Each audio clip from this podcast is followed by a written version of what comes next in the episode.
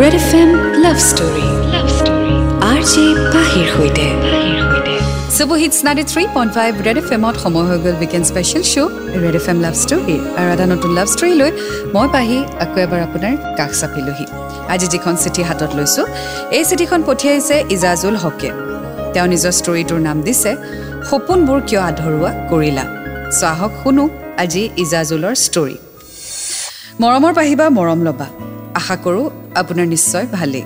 পোনপ্ৰথমে মই আপোনালোক সকলোলৈ নমস্কাৰ তথা ধন্যবাদ জনালোঁ। আমাক এনে এখন প্লেটফৰ্ম দিয়াৰ বাবে যাৰ দ্বাৰা আমি মনতে লুকুৱাই থোৱা কথাবোৰ যিবোৰ আমি কাৰো সন্মুখত ক'ব নোৱাৰোঁ তেনেবোৰ কথা চিঠিৰ জৰিয়তে শ্বেয়াৰ কৰিব পাৰোঁ। তাৰোপৰি আপোনাৰ ভইচটোক প্ৰশংসা নকৰিলে ভুল হ'ব কিয়নো আপোনাৰ কণ্ঠত সঁচাকৈ যাদু আছে। পাহিবা মই ভাবিলোঁ যে মোৰ লাভ ষ্টৰীটো আপোনালৈ লিখি পঠিয়াওঁ বুলি। আপুনি সুন্দৰকৈ উপস্থাপন কৰিব। মোৰ ষ্টৰীটোৰ নাম দিব বিচাৰিছোঁ সপোনবোৰ কিয় আধৰুৱা কৰিলা? দুহেজাৰ ঊনৈছ চন আগষ্ট মাহ। পাহিবা মই তেতিয়া এইচ এছ পাছ কৰি বি কমত এডমিশ্যন লৈছিলোঁ বাট মই কলেজ যোৱা নাছিলোঁ কাৰণ মোক তেতিয়া কিছু টকাৰ প্ৰয়োজন হৈছিল। আমি এটা তেনেই মধ্যবৃত্ত পৰিয়াল যাৰ ফলত সংকটৰ দিনত কোনো এটা সুবিধাই সংগ দিয়া নাছিলে। পঢ়াৰ উপৰিও পাহিবা মই বেনাৰ ছাইনবোৰ্ড এইবোৰ লিখা মেলাও কৰিছিলোঁ। আমাৰ ঘৰৰ পৰা প্ৰায় দুই কিলোমিটাৰমান আঁতৰত এটি ভিতৰুৱা চুবুৰী এটা য'ত মাত্ৰ কেইঘৰমানহে মানুহ আছে। সেই চুবুৰীটোৰ ৰাস্তাটো বৰ বেয়া হৈছিল। গতিকে চৰকাৰৰ পৰা কিছু সাহাৰ্য পোৱাৰ বাবে ৰাস্তাটোৰ মেৰামতিৰ কাম আৰম্ভ কৰিব লৈছিল। তাৰ বাবে আধাৰশিলা স্থাপনৰ বাবে বেনাৰ এখনৰ প্ৰয়োজন হৈছিল আৰু সেই বেনাৰখন লিখিবলৈ মোক দায়িত্ব দিয়া হৈছিল। সেই উদ্দেশ্যে মই আৰু মোৰ এজন বন্ধু দুয়োজনে গ'লোঁ আৰু আমাৰ কামত ব্যস্ত হৈ পৰিলোঁ। চ' আজি আমি শুনি গৈ থাকিম ইজাজুলৰ লাভ ষ্টৰী সপোনবোৰ কিয় আধৰুৱা কৰিলা ৰেড এফ এম বজাতে ৰহো। Red F M love story RJ J পাহিৰ সৈতে।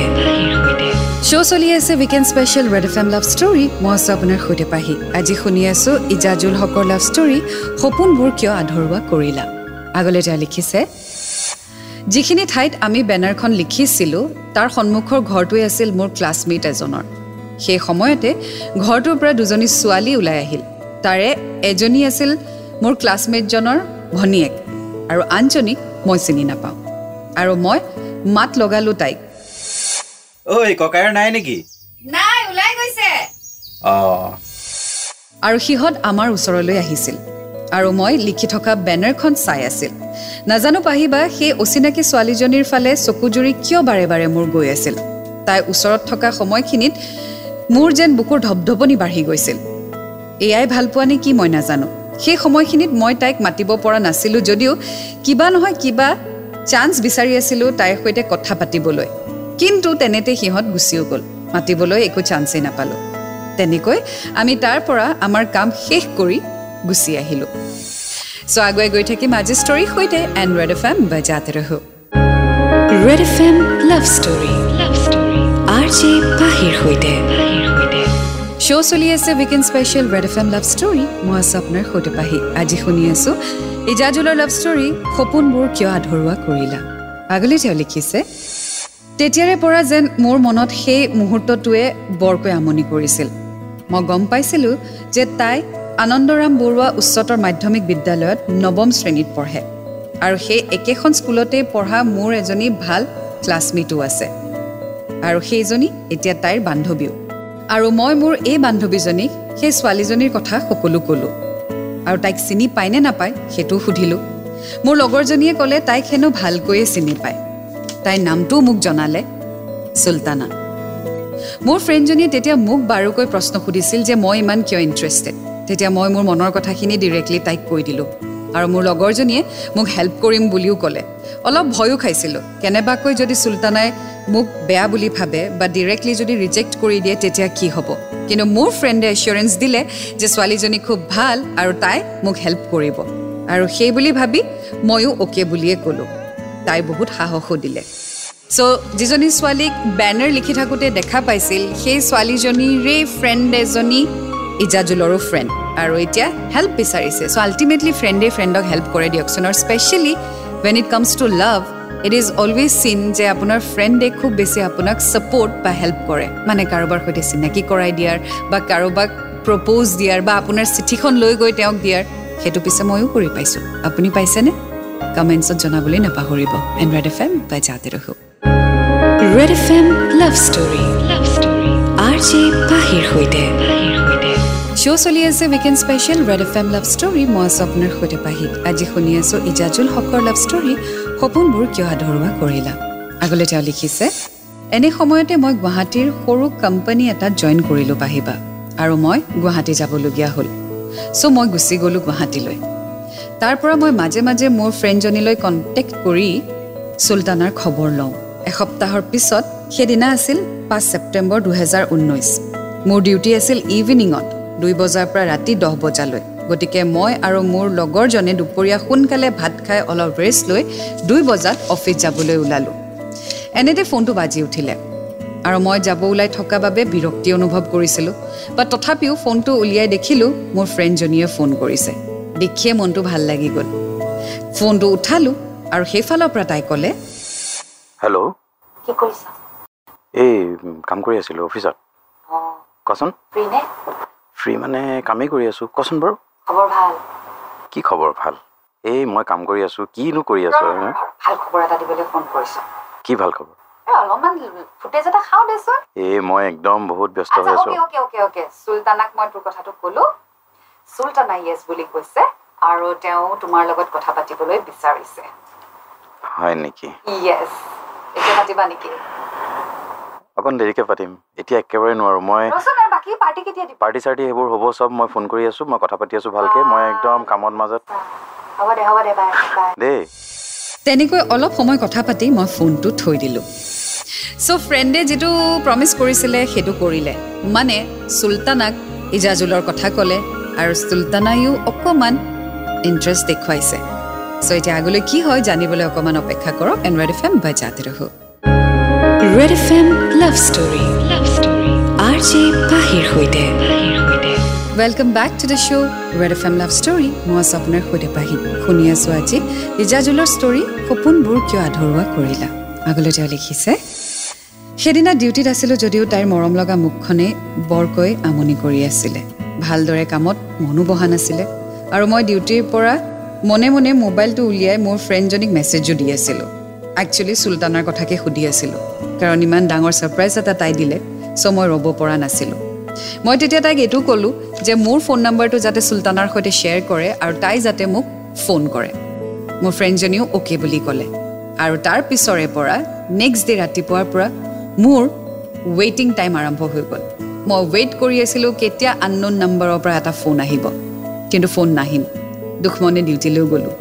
ডিউটিৰ পৰা মাজতে ফৰ্টি ফাইভ মিনিটছ এটা আমাক ব্ৰেক দিয়ে। মানে পাঁচ বজাৰ পৰা পাঁচ বাজি পঞ্চল্লিছ মিনিটলৈ আমাৰ এটা ব্ৰেক হয়। অইন দিনাৰ দৰে পাঁচ বাজিল ডিউটিৰ পৰা ওলাই আহিলোঁ চাহ খালোঁ। এনেতে ফোনটো ভাইব্ৰেট হ'ল। উলিয়াই দেখিলোঁ আননোন নম্বৰ সেই আননোন নম্বৰটো বেলেগ কাৰো নাছিল সেইটো আছিল চুলতানাৰ। লগে লগে ফোনটো ৰিচিভ কৰিলোঁ আৰু আমি কথা পাতিলোঁ। প্ৰথমতে খা খবৰ সুধিলোঁ তাইও ভাল বুলি ক'লে? তাৰপিছত তাইৰ নামটো সুধিলোঁ যদিও মই তাইৰ নামটো জানো তথাপিও নামটো সুধিলোঁ। ঘৰত কোন কোন আছে সেয়াও সুধিলোঁ। গম পালোঁ তেওঁৰ মা দেউতা ভাইটি ভণ্টি। ইটছ এ হেপী ফেমিলি তাই কি পঢ়ি আছে সেইটোও সুধিলোঁ। যদিও জানো তথাপিও সুধিলোঁ। এনেকৈ অকণমান সময় কথা পাতিলোঁ আৰু তাৰপিছত ফোনটো ৰাখি দিলোঁ। তেনেকৈ ৰাতিটো পাৰ হ'ল। পিছদিনাখন ৰাতিপুৱা ময়ে নিজৰ ফালৰ পৰা গুড মৰ্ণিং বুলি মেছেজ এটা দিলোঁ প্ৰায় ছয়মান বজাত। তাইৰ ৰিপ্লাই আহিলে আঠটা পোন্ধৰ মানত। আৰু তাৰ পিছত তেনেকৈ আমাৰ মেছেজ কৰা কৰি আৰম্ভ হ'ল। অৱশেষত মই তাইক কল কৰিব পাৰিম নে নাই সুধিলোঁ। তেতিয়া তাই কল কৰিবলৈ ক'লে আৰু মই ফোন কৰিলোঁ। সেইদিনা সিহঁতৰ ঘৰত একচুৱেলি কোনো নাছিলে চ' ময়ো ভালকৈ তাইৰ লগত কথা পাতিব পাৰিলোঁ। অলপ সময় কথা পাতিলোঁ আৰু ফোনটো ৰাখিলোঁ। চ' চুলতানাই ৰিকুৱেষ্টটো ৰাখিলে ইজাজুলৰ। ইজাজুলৰ নম্বৰ লৈ নিজে কণ্টেক্টো কৰিলে। দুয়োটাই কথাও পাতিছে। এতিয়া আগুৱাই গৈ থাকিম আজি ষ্টৰিটোৰ সৈতে। শুনি থাকক। সপোনবোৰ কিয় আধৰুৱা কৰিলা? ৰেড এফ এম বজাতে ৰহো। Red F M love story love story RJ J পাহিৰ সৈতে শ্ব' চলি আছে weekend special Red F M love story মই আছোঁ আপোনাৰ সৈতে পাহি। আজি শুনি আছোঁ ইজাজুলৰ ষ্টৰী সপোনবোৰ কিয় আধৰুৱা কৰিলা? আগলৈ তেওঁ লিখিছে তেনেকৈ তিনি চাৰি মাহ পাৰ হ'ল। ইজনে সিজনক বুজি উঠিলোঁ। তাই বেয়া পোৱা কাম মই কেতিয়াও কৰা নাছিলোঁ আৰু তাইও কৰা নাছিল। বিশ্বাস আছিল। মই গুৱাহাটীৰ পৰা গুচি আহিলোঁ। ঘৰৰ মানুহে পঢ়াত জোৰ দিলে গতিকে সেইকাৰণে জবটো এৰি মই আকৌ পঢ়িবলৈ উভতি আহিলোঁ। আহিয়ে তাইক লগ কৰাৰ কথা ক'লোঁ। তাইও সিহঁতৰ ঘৰৰ পিনে মোক যাবলৈ দিলে। গতিকে মই আৰু মোৰ এজন বন্ধুৰ লগত সিহঁতৰ কাষত থকা ক্লাছমেটজনীৰ ঘৰলৈ গ'লোঁ আৰু তাইকো মই তালৈকে মাতিলোঁ। কিন্তু তাই খালি এটা কণ্ডিশ্যনেই দিছিলে যে আমাৰ ৰিলেশ্যনশ্বিপটোৰ কথা যাতে কোনেও গম নাপায়। ময়ো অ'কে বুলি ক'লোঁ। মই তাইলৈ এটা হেণ্ড ৱাটছ আৰু চকলেট লৈ গ'লোঁ। কিন্তু ক্লাছমেট থকাৰ বাবে মই তাইক দিব নোৱাৰিলোঁ। চ' তাইৰ যিগৰাকী ফ্ৰেণ্ড তাইৰ হাতত দিলোঁ। তাইও বুজি পাইছিল যে মই কিয় দিব নোৱাৰিলোঁ। তেনেকৈ দিনৰ পিছত দিনবোৰ যাব ধৰিলে আৰু আমাৰ কথা বতৰা ৰাতিপুৱা শুই উঠাৰ পৰা ৰাতি বিচনালৈ যোৱালৈ ফোন নকৰিলেও মেছেজত চলিয়ে থাকে। তাই নিজৰ মোবাইল নাই বাবে ঘৰৰ মোবাইলৰ পৰা কল কৰে। গতিকে মই কল কৰিব পৰা নাছিলোঁ কোনোদিনে। খালি মেছেজ দিছিলোঁ। তাইৰ মাক দেউতাকে মেছেজ পঢ়িব নাজানিছিল। এনেকৈ আমাৰ ভালপোৱা গভীৰ হৈ গৈ থাকিলে। আমাৰ মাজত মৰম ভালপোৱা বাঢ়ি গৈ থাকিল। ইজনে আনজনক এৰি থাকিব নোৱাৰা হ'লোঁ। তেনেকৈ আমাৰ ৰিলেশ্যনশ্বিপ কণ্টিনিউ হৈ থাকিলে। চ' গৈ থাকিম আজি ষ্টৰী শুনি। Stay tune to today is love story সপোনবোৰ কিয় আধৰুৱা কৰিলা? এণ্ড ৰেড এফ এম বাজাতে ৰহো Red F M love story love story RJ J পাহিৰ সৈতে।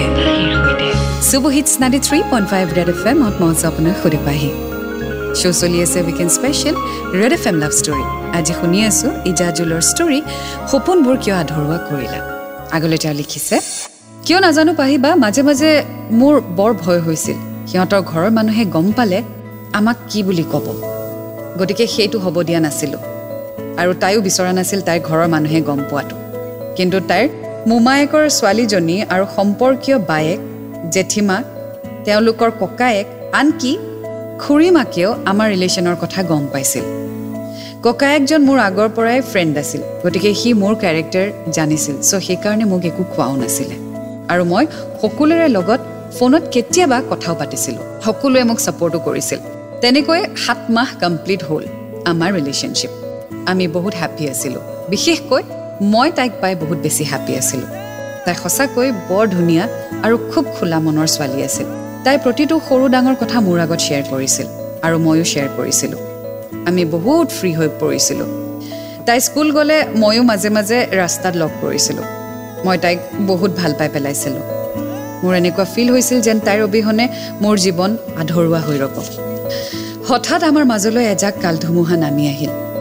তাই এদিন কল কৰি ক'লে যে তাই হেনো মোমায়েকহঁতৰ ঘৰলৈ যাব দহ দিনমানৰ কাৰণে। তাত গ'লে হেনো কল কৰিব নোৱাৰিব। ময়ো অ'কে বুলি ক'লোঁ। বাট ৰিকুৱেষ্ট কৰিছিলোঁ যদি পাৰে কল কৰিব আৰু সোনকালে যাতে উভতি আহে। তাইও হ'ব বুলি কৈ গ'লগৈ। তেনেকৈ তিনি চাৰিদিন পিছত তাই তাৰ পৰা মোক এদিন কল কৰিলে। কথা বেছি পাতিবই নোৱাৰিলোঁ কাৰণ মামীয়েক হেনো কাষতে ৰৈ আছিল। তেনেকৈ এঘাৰ দিন হৈ গ'ল। মই ভাবিলোঁ তাই চাগে ইতিমধ্যে উভতি আহিছে। চ' সেইকাৰণে তাইৰ মোবাইলটোত মই মেছেজ এটা দিলোঁ। বাট দুদিন হৈ গ'ল ৰিপ্লাই অহা নাই।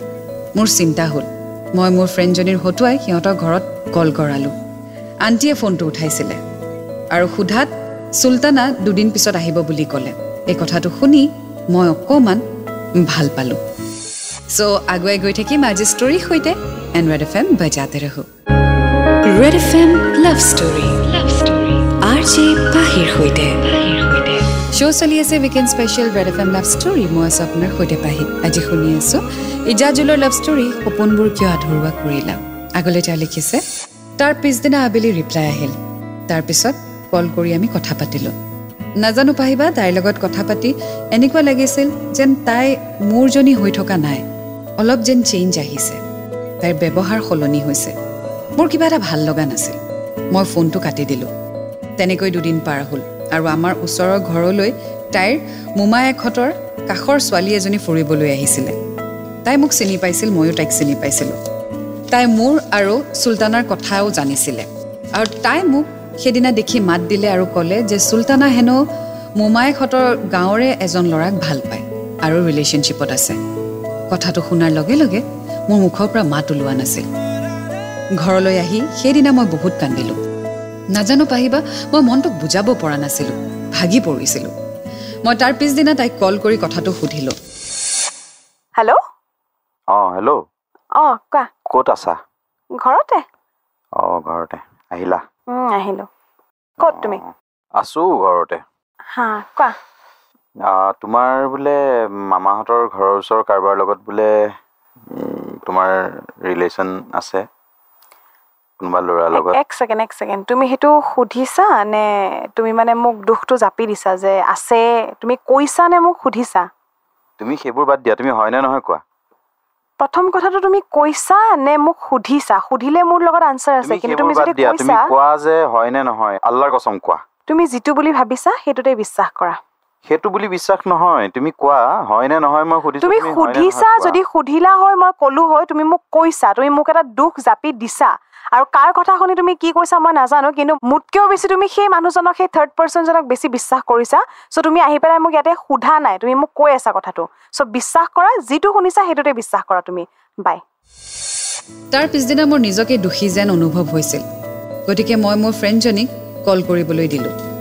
মই ফোন কৰিলেতো তাই ৰিচিভ নকৰিব মই জানোৱেই। মোৰ ফ্ৰেণ্ডজনীয়ে তাইক কল কৰিলে আৰু মই কথাখিনি শুনি আছিলোঁ। তাই মোৰ ফ্ৰেণ্ডজনীক এবাৰতে কৈ দিলে যে আমাৰ হেনো ব্ৰেকআপ হৈছে। এই কথাষাৰ শুনি মোৰ বৰ বেয়া লাগিলে। মই ভুল কৰিছোঁ মই জানো। সন্দেহ কৰিব নালাগিছিল। কিন্তু তাই এনেকৈ কথাষাৰ ক'ব বুলি মই ভবা নাছিলোঁ। মই কেইবা ৰাতিও কান্দি কান্দি পাৰ কৰিবলগীয়া হ'ল পাহিবা। পাহিবা আমাৰ ৰিলেশ্যনশ্বিপটো খুব কম দিনৰ আছিল যদিও আমি বহুত ক্ল'জ আছিলোঁ। গতিকে তাৰে কিছুমান মুহূৰ্তই এতিয়াও মোক বহুত আমনি কৰে যিবোৰ মোৰ জীৱনৰ একো একোটা স্মৃতি হৈ ৰ'ব। পাহিবা মই নাজানো এতিয়া তাই কি কৰি আছে কেনে আছে কাৰ লগত আছে। বাছ মই জানো যে মই তাইক বহুত মিছ কৰোঁ। মই এতিয়াও তাইৰ বাবে বাট চাই আছোঁ। তাই যদি আজি প্ৰগ্ৰামটো শুনি আছে মই তাইক এইটোৱে ক'ব বিচাৰোঁ that I love you Sultana I love you so' much please সদায় তোমাৰ অপেক্ষাত মই ৰম। তোমাক লৈ কৰা আধৰুৱা সপোনবোৰ পূৰণ কৰিবলৈ মই ৰম। তুমি যাতে সোনকালে উভতি আহা। তোমাৰ মুখত বিৰিঙি থকা হাঁহিটো যেন সদায় জিলিকি থাকে সেইটো চাবলৈও মই ৰম। এয়াই আছিলে মোৰ লাভ ষ্টৰী পাহিবা। এতিয়া বৰ্তমান মই ইঞ্জিনিয়াৰিং পঢ়ি থকাৰ লগতে ঘৰতে এখন কম্পিউটাৰৰ দোকানো খুলিছোঁ। আগৰ পৰাই সেইটো সপোনো আছিল।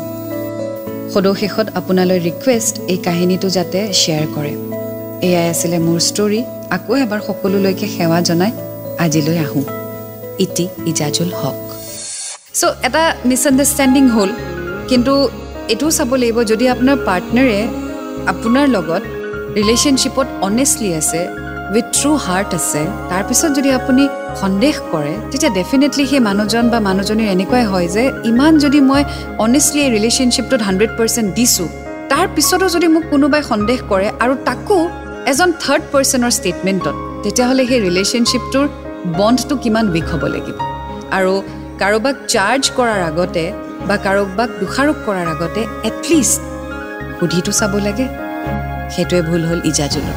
চ' এয়া আছিলে আজি ইজাজুলৰ ষ্টৰী সপোনবোৰ কিয় আধৰুৱা কৰিলা? এটা নতুন ষ্টৰীৰ সৈতে আকৌ লগ পাম। Until then to fall in love it's a great feeling you will get to learn a lot and always remember I love you and Red F M বজাতে ৰহো।